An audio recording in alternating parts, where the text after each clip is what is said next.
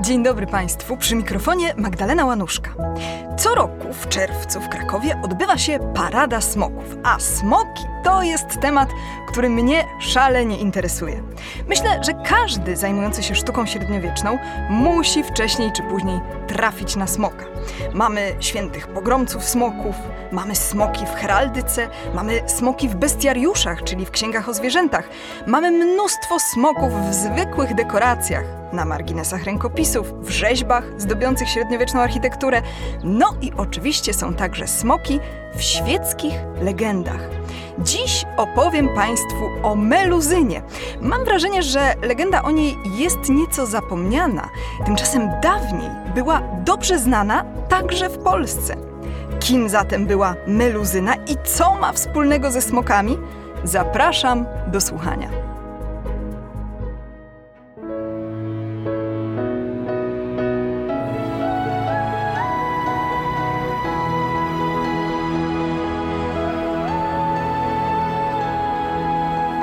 Dziękujemy patronkom i patronom za wsparcie. Dołącz do grona dobroczyńców podcastu Tygodnika Powszechnego w serwisie Patronite. W kolejnym moim podcaście z cyklu Sztuka powszechnie nieznana zaproszę Państwa do średniowiecznej Francji. Tam, w XIV wieku, no nie tylko we Francji, ale tam szczególnie, skumulowały się różne fatalne wydarzenia. Niektórzy mówią, że zadziałała klątwa templariuszy. Efekt tego, że król Francji Filip IV Piękny bezwzględnie rozprawił się z zakonem, wysyłając na stos m.in. wielkiego mistrza Jakuba de Molay w 1314 roku. Jeszcze w tym samym roku rozpoczął się skandal, który wstrząsnął Francją. Tak zwana afera wieży Nesl, kiedy to okazało się, że synowe króla zdradzają swoich mężów. Jednym ze skutków tej afery było umocnienie się prawa dziedziczenia tylko po linii męskiej, bo tak się składa, że następca tronu miał wówczas jedynie córkę, która jako poczęta w czasie trwania romansu matki była podejrzewana o pochodzenie z nieprawego łoża. Król Filip IV zmarł nagle również w tym samym 1314 roku. To właśnie miał być efekt klątwy templariuszy. Po nim objął tron jego najstarszy syn Ludwik, który jednak też zmarł półtora roku później, w wieku niecałych 27 lat. Pozostawił po sobie wspomnianą córkę oraz jeszcze po jego śmierci narodził się syn pogrobowiec, no ale żył tylko pięć dni. Kolejnym królem Francji został więc brat Ludwika, Filip. Ten porządził 6 lat, w wieku 28 lat też zmarł, zostawiając cztery córki, bo jedyny syn, którego miał, zmarł w niemowlęctwie. Na tronie zasiadł zatem najmłodszy żyjący syn Filipa Pięknego, Karol IV. Ten z kolei zmarł po kolejnych sześciu latach i też zostawił jedynie córki.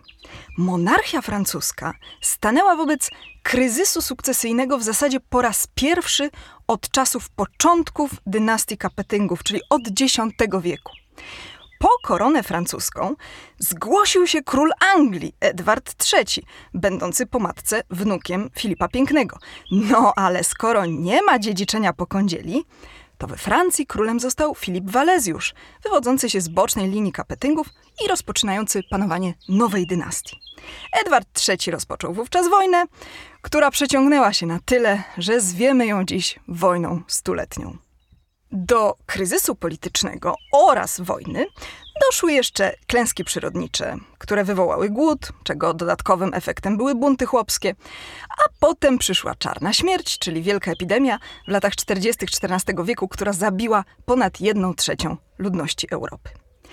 I w tym właśnie apokaliptycznym czasie we Francji coraz większą popularnością zaczęły cieszyć się lokalne mity związane z krajem lub z regionami i ich historią, w tym także legendy genealogiczne poszczególnych rodów.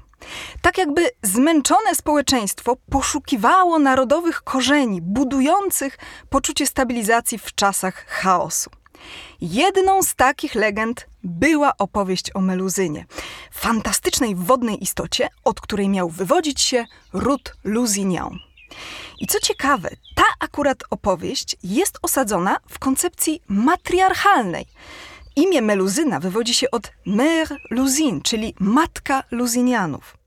Jak napisała w jednym ze swych artykułów badaczka tej legendy, Shana Thompson, podstawowym przekazem legendy o Meluzynie jest opowieść o rodowej tożsamości związanej z miejscem, ale z podkreśleniem fundamentalnej roli kobiety w kreowaniu dynastii. W 1393 roku Jean d'Arras na zlecenie księcia Jeana de Berry spisał romans prozą opowiadający o Meluzynie i jej potomstwie. Książę wszedł w posiadanie zamku Lusignan, siedziby rodowej Lusignianów i w związku z tym w słynnym rękopisie bardzo bogatych godzinek księcia de Berry w ilustracji marca w kalendarzu zobaczyć możemy ten właśnie zamek, a nad jedną z jego wież leci złocisty smok. To właśnie odwołanie do legendy o Meluzynie.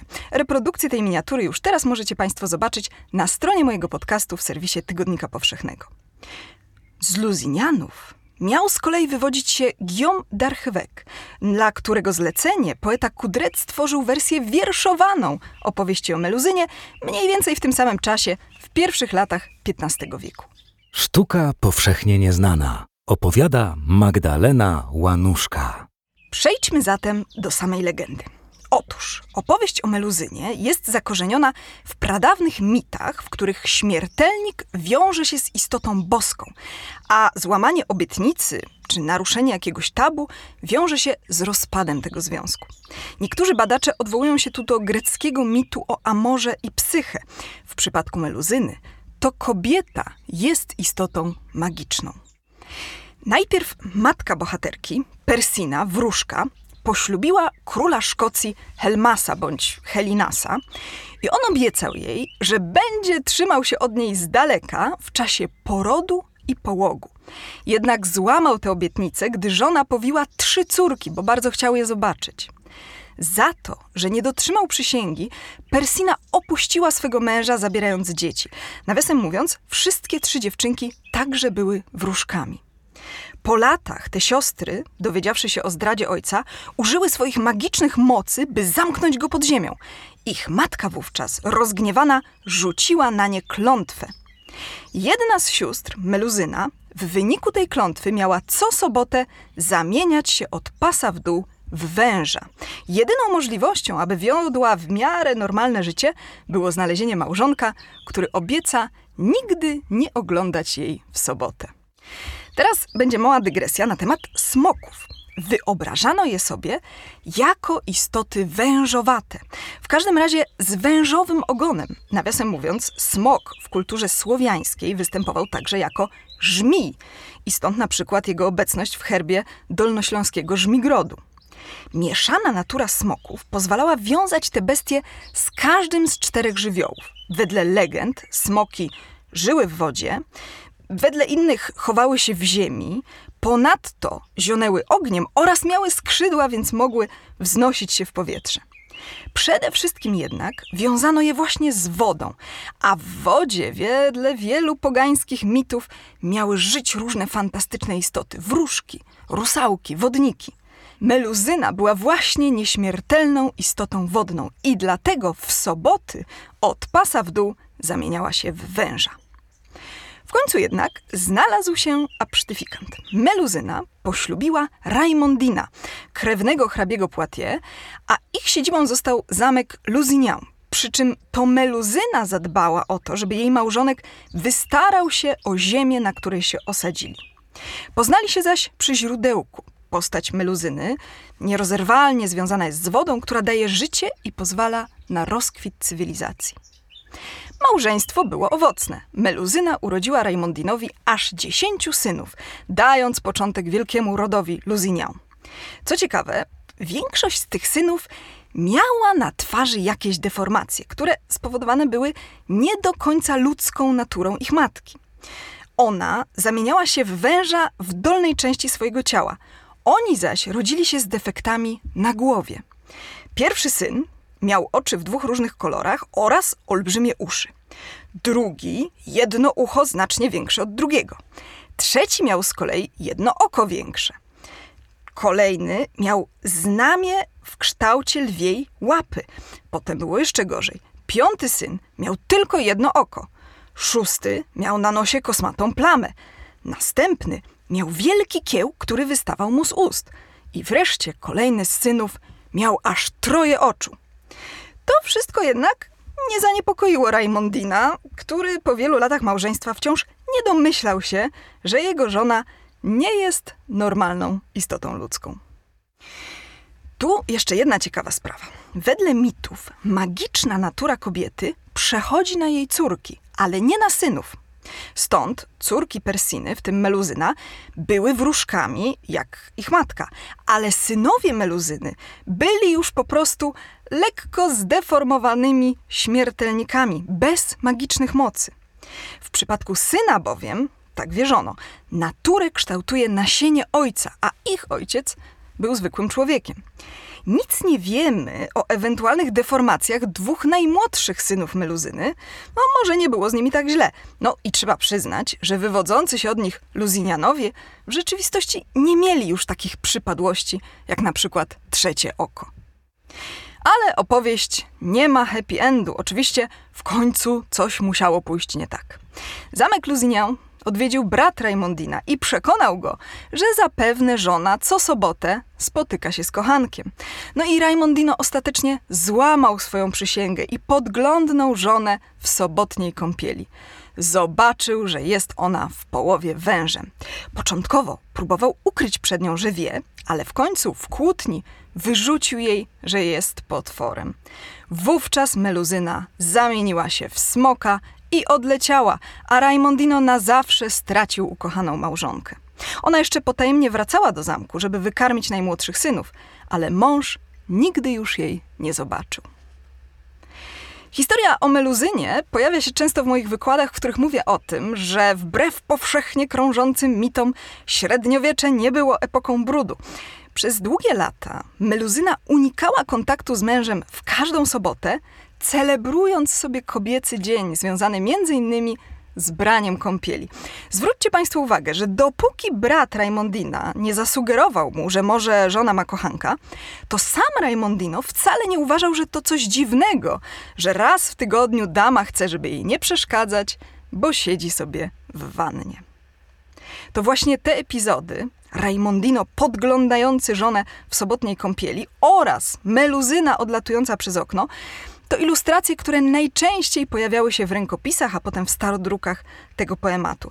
Kopie tego romansu były bowiem w posiadaniu wielu francuskich rodzin w XV wieku. Niektóre z tych książek były oczywiście dekorowane. Już teraz na stronie mojego podcastu zobaczycie Państwo reprodukcje wybranych ilustracji. W dalszej części historii mamy jeszcze przygody synów Meluzyny i Raimondina oraz ich powiązania z innymi szlacheckimi rodami. Europejska kariera tego poematu wiązała się z wykonaniem w 1456 roku prozaicznej parafrazy na język niemiecki, czego dokonał Thüring von Ringoltingen. I w ten sposób opowieść spopularyzowała się w środkowej Europie, a wkrótce zaczęła też krążyć w formie publikacji drukowanych.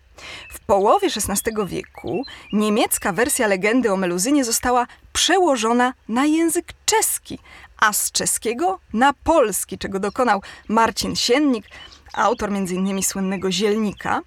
Wydana w 1569 roku Historia wdzięczna o szlachetnej a pięknej Meluzynie doczekała się wznowień w XVII oraz w XVIII wieku, była zatem dobrze znana w kulturze staropolskiej.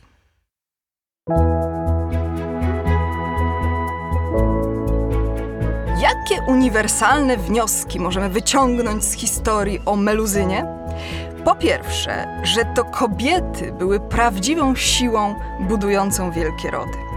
Po drugie, że jak się coś żonie obieca, to lepiej nie kombinować i obietnicy dotrzymać.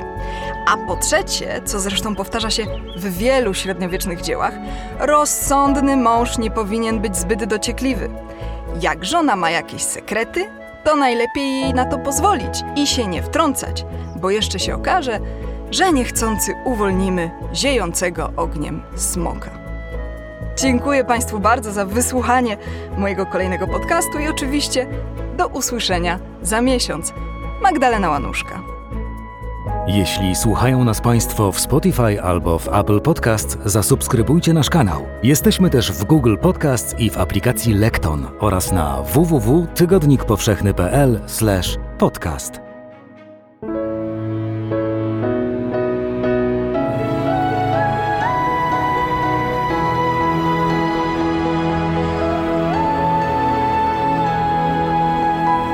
Podcast powszechny. Weź, słuchaj.